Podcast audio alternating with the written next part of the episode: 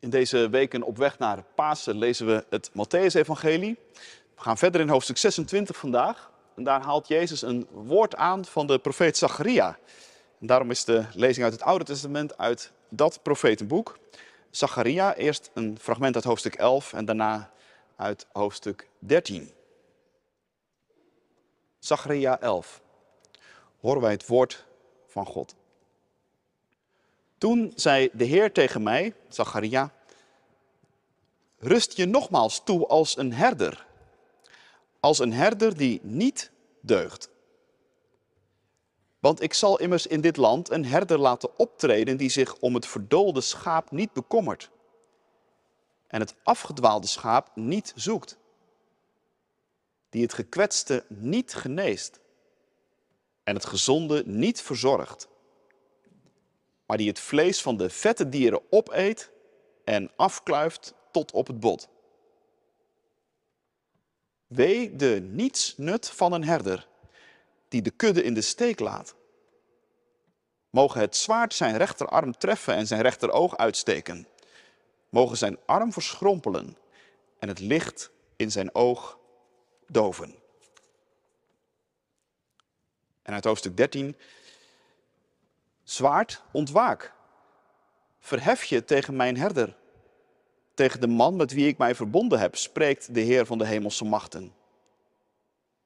Sla de herder, zodat de schapen verdwalen. Weerloos als ze zijn, zal ik ze treffen.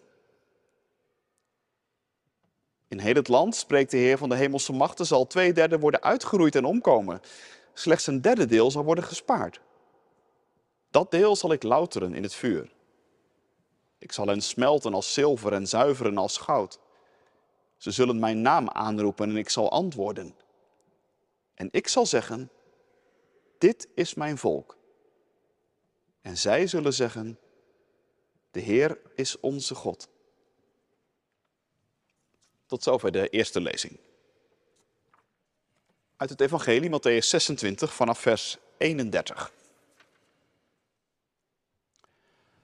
Onderweg zei Jezus tegen hen, jullie zullen mij deze nacht allemaal afvallen, want er staat geschreven, ik zal de herder doden en de schapen van zijn kudde zullen uiteengedreven worden. Maar nadat ik uit de dood ben opgewekt, zal ik jullie voorgaan naar Galilea. Petrus zei daarop tegen hem, misschien zal iedereen u afvallen, maar ik nooit. Jezus antwoordde hem, ik verzeker je, deze nacht nog zul je nog voor de haan gekraaid heeft, mij driemaal verloochenen. Petrus zei, al zou ik met u moeten sterven, verloochenen zal ik u nooit. En alle andere leerlingen vielen hem daarin bij. Tot zover de lezing voor deze dag. Dit is het woord van God voor jou, voor u, voor mij. Gelukkig zijn we als we het woord van God horen, dat bewaren in ons hart en daar ons vertrouwen op stellen. Halleluja. Amen. Uitgangspunt voor de verkondiging is vers 31 uit Matthäus 26. Ik lees dat nogmaals, maar nu uit de herziende statenvertaling. Daar staat het zo. Toen zei Jezus tegen hen, u zult in deze nacht allen aan mij geërgerd worden. Want er is geschreven, ik zal de herder slaan en de schapen van de kudde zullen uiteengedreven worden. Het thema van de preek is Jezus, bron van ergernis. Jezus, bron van ergernis. Gemeente van Christus, broeders en zusters in de kerk of thuis met ons verbonden. Ergernissen. Wie heeft die niet? Ik ben benieuwd, jongens en meiden, waar jullie je wel eens aan ergeren. En ik ben net zo benieuwd waar je vader en moeder je misschien wel eens, zich misschien wel eens aan ergeren bij jou. Op het internet kun je heel wat ergernissen top 10's vinden. Zo bestaat er bijvoorbeeld een top 10 aan verkeersergernissen, horeca-ergernissen, ergernissen op het werk, in de supermarkt, op school. Een top 10 van ergernissen aan mannen. En ik kwam ook iemand tegen die had een lijst van zijn persoonlijke ergernissen aan het christendom opgesteld. Die had er aan 10 niet genoeg. Die maakte er een top 13 van. Op de twaalfde plaats stond debatteren over onzinnige details. Op de achtste plaats oordelen over andermans zonde. Op de eerste plaats voorgangers die oplichters blijken te zijn. Maar als je die top 13 naast Matthäus 26 vanmorgen legt, dan moet je toch constateren dat er in dit lijstje iets werd gemist. Of beter gezegd, dat er iemand werd gemist. Jezus. Hij zegt het zelf. Jullie zullen in deze nacht allemaal aan mij geërgerd worden. Allemaal. Met andere woorden, in geen enkel lijstje van ergernissen aan het christelijk geloof zou Jezus dus mogen ontbreken.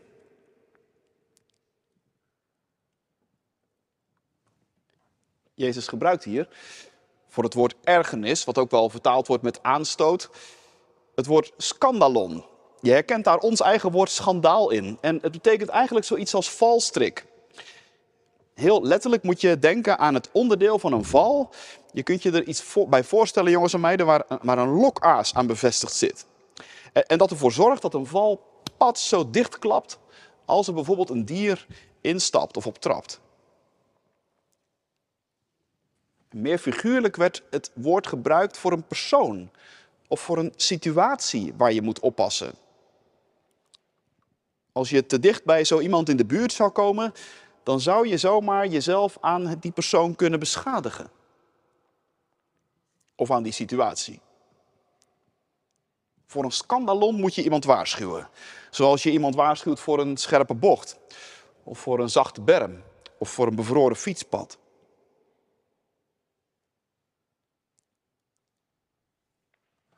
En nu beweert Jezus dus in deze woorden dat hij zo'n scandalon is. Een ergernis. Iemand waaraan je je zult stoten. En dat voor ons allemaal. Er komt een moment, zegt hij, dan zul jij over mij struikelen, met me vastlopen. Allen zullen zich aan mij ergeren. Ik vind dat toch eigenlijk wel een aangrijpend woord. En dat Petrus meteen in de weerstand schiet zodra hij dit Jezus hoort zeggen. Ik begrijp het wel. Wat? Ik mij ergeren aan u? Natuurlijk niet. U, Heer Jezus, ergens op de misschien wel eerste plaats in mijn ergernissen top 10? Dat is toch onvoorstelbaar?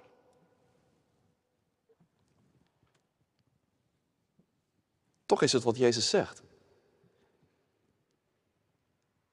En ik zei al, niet zo heel vreemd dat Petrus zich er weinig bij voor kan stellen. En ik zat er deze week nog eens zo wat op door te denken. Hoe komt dat nou, dacht ik, dat ik me dat eigenlijk net als Petrus zo moeilijk kan voorstellen. Dat je je aan Jezus zou ergeren. Dat hij een valstrik, een aanstoot voor je zou kunnen worden. Hoe komt dat? Ik bedoel, op zich komt het in het evangelie veel vaker voor dat mensen zich aan Jezus ergeren. Bijvoorbeeld helemaal aan het begin van Matthäus in, in, in Nazareth, als Jezus daar preekt in de synagoge. Dan zeggen de mensen, het is toch maar de zoon van Maria, zeg. Wie denkt hij wel dat hij is? Wat een praatjes voor iemand die gewoon uit ons dorp komt. En later Later ergeren de schriftgeleerden zich aan de manier waarop Jezus met de geboden omgaat. En de fariseeën, die ergeren zich aan het feit dat Jezus met hoeren omgaat en bij tollenaars aan tafel zit. Ik bedoel maar, in het evangelie zit dus ergernis genoeg. En toch,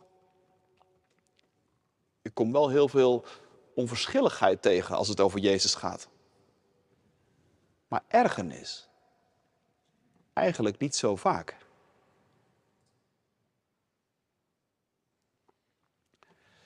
Nou, zeg je misschien, dat is dan een goed teken.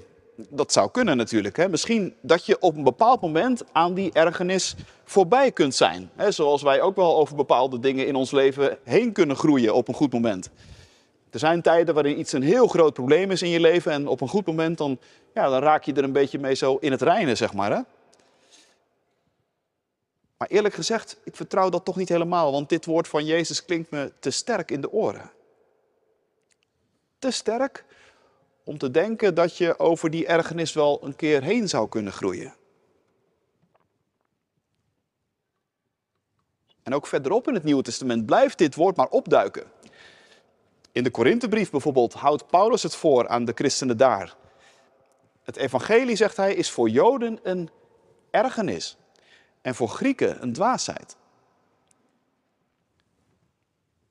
Al met al lijkt het er dus toch ook wel een beetje op dat die ergernis iets blijvends in zich heeft. Iets dat misschien wel een basisingrediënt, een vast onderdeel uitmaakt van het evangelie.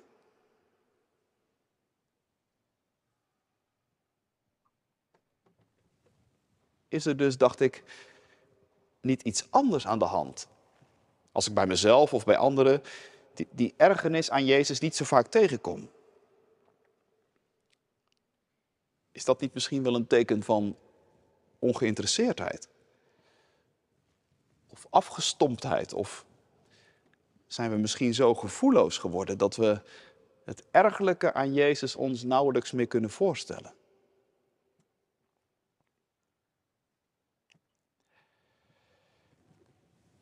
Nou ja, vragen genoeg dus en reden genoeg om ons vanmorgen eens even goed af te vragen waar dat ergerlijke aan Jezus dan precies in zit. In de hoop dat we Hem, vreemd genoeg, juist via dat ergerlijke misschien nog wel beter en dieper leren kennen dan ooit tevoren.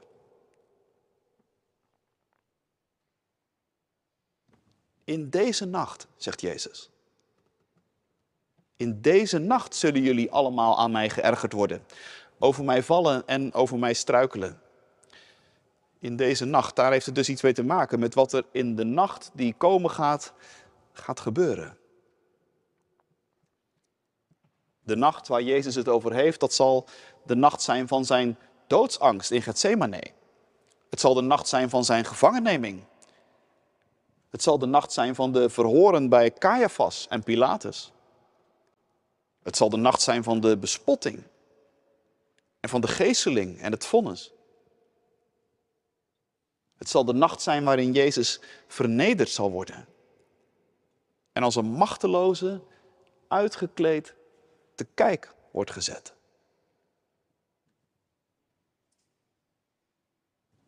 En daar, zegt Jezus, daar zullen jullie nou over struikelen.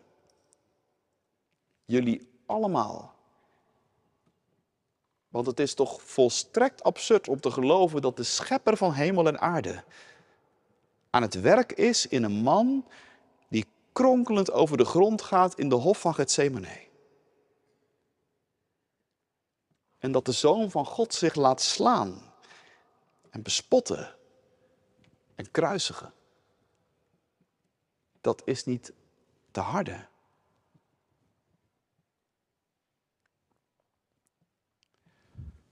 Toch is dat wat volgens Jezus zal gaan gebeuren in de nacht die komt.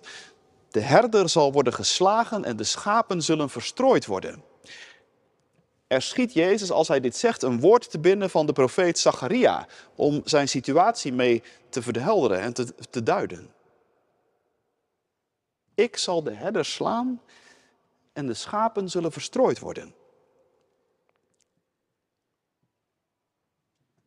Profetie waar dit woord uitkomt is, is een oordeelsprofetie. Misschien voelde je dat al een beetje aan toen we het lazen net.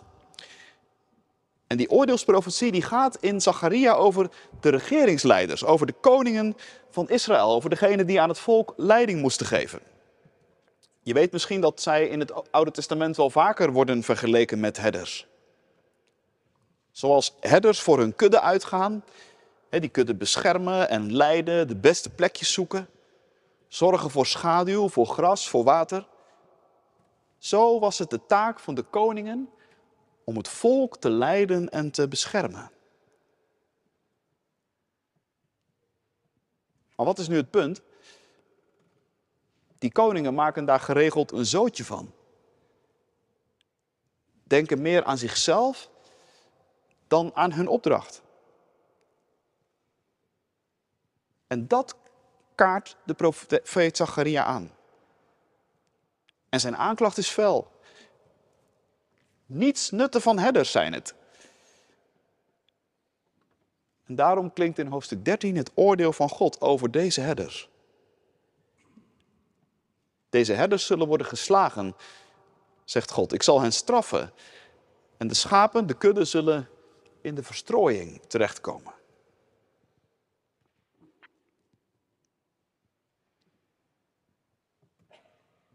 Maar wat is nu het aangrijpende? Dat Jezus deze woorden dus toepast op zichzelf. Hier gaat het gebeuren, zegt hij, in deze nacht.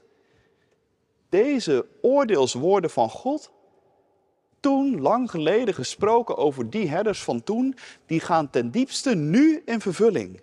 En ze gaan in vervulling op mij. De klappen die die ontrouwe herders hadden moeten opvangen, die zal ik dragen.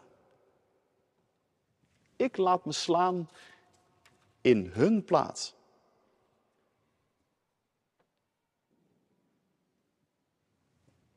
Ik zal de herders slaan.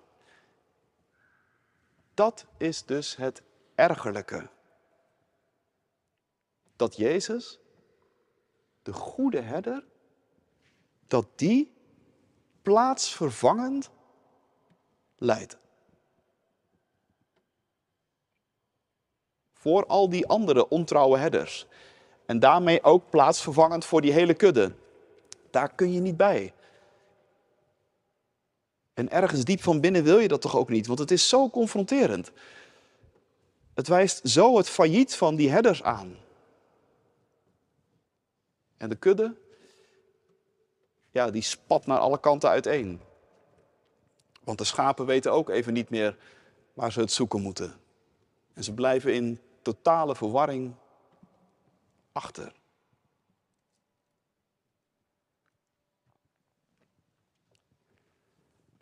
Geslagen herders en verstrooide schapen.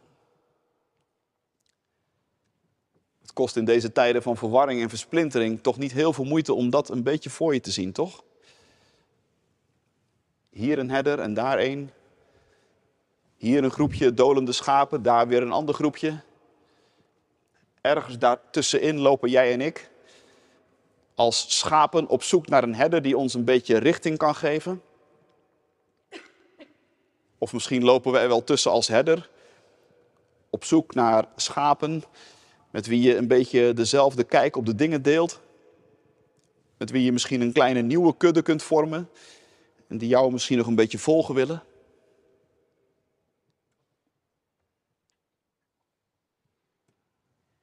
Dat is het beeld uit Zacharia. Over de geslagen herders en de uiteengedreven kudde. Maar wat Jezus doet, is dus dat hij dat beeld nog weer even helemaal omdraait. 180 graden de andere kant op. En eigenlijk tegen ons zegt: wacht nou even. Focus nou even niet op al die aardse herders. En focus nou even niet op die uiteengedreven kudde, maar focus je eerst op mij. Want ik word geslagen in hun plaats en in jullie plaats als de goede herder.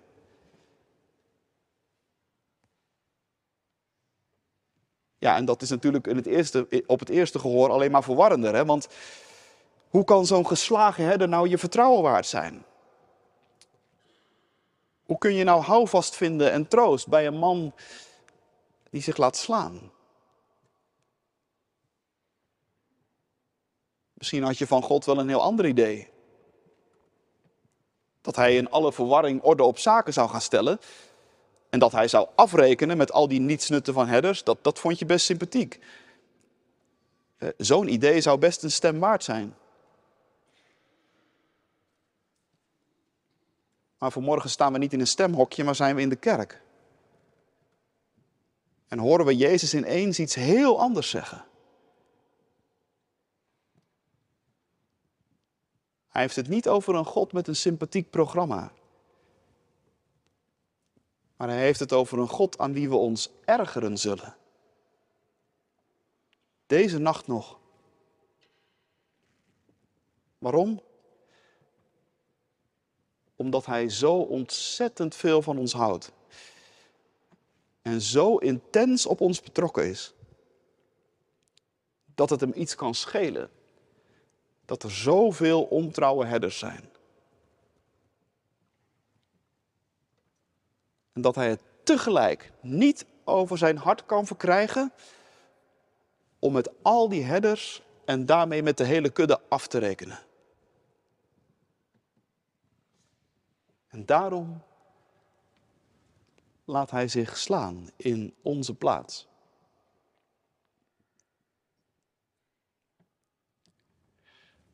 En dat is natuurlijk bijzonder ergerlijk, want ik begrijp het niet. En ik wil het ook eigenlijk niet begrijpen. Ik wil helemaal niet echt weten dat er zoveel stuk is gemaakt dat God daar niet zomaar eventjes luchtigjes overheen kan stappen. En ik begrijp al helemaal niet dat de goede herder zich in onze plaats laat slaan. Het is ergerlijk dat Christus ons telkens weer stoort in onze gedachten over God en over onszelf. En hoe het verder moet met deze wereld. Het is ergerlijk dat hij daar zomaar dwars voor gaat liggen. Als een soort booby trap, zodat ik over hem struikel.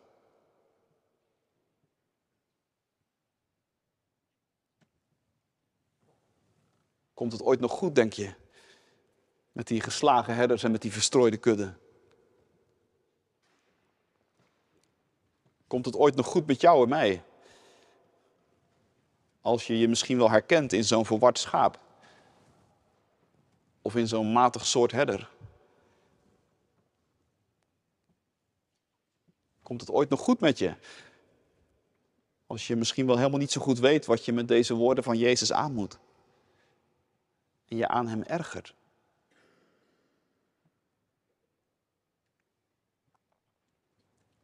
Het goede nieuws is, ja, het komt goed.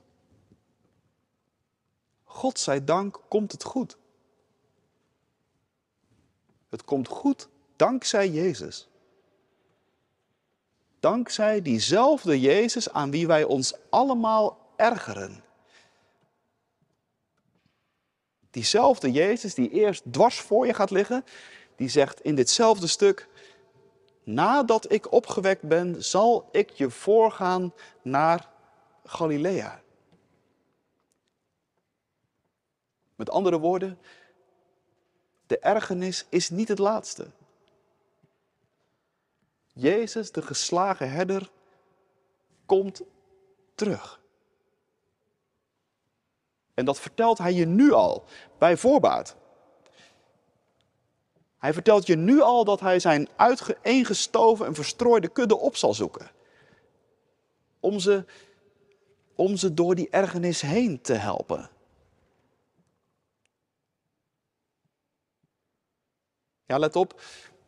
Hij helpt ons er doorheen. Dat is wel even iets om een streepje onder te zetten. Hij helpt ons er niet omheen of er overheen. Het gaat met onze ergernis op dezelfde manier zoals het met Jezus gaat. Het gaat dwars door de dood naar het leven. En daarom moet je niet te snel de ergernis achter je willen laten, zat ik te denken. Laat het gerust maar een klein steentje in je schoen blijven. En zo een blijvende plek houden in je geloofsleven. Want zonder de ergernis drijf je ook weer zomaar weg bij het geheim. Juist de ergernis. Laat ons telkens weer voelen wat er ook alweer op het spel staat. Juist de ergernis vertelt ons wie wij zijn en wie God is. Matige herders en verstrooide schapen. Ja, maar wel door Hem gezocht en gevonden.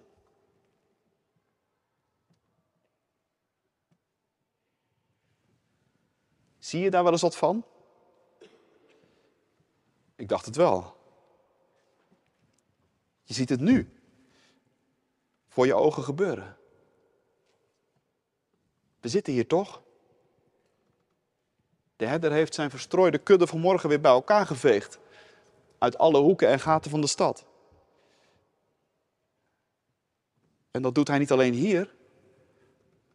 Dat doet hij op ditzelfde moment op nog heel veel andere plekken in deze stad en over de hele wereld.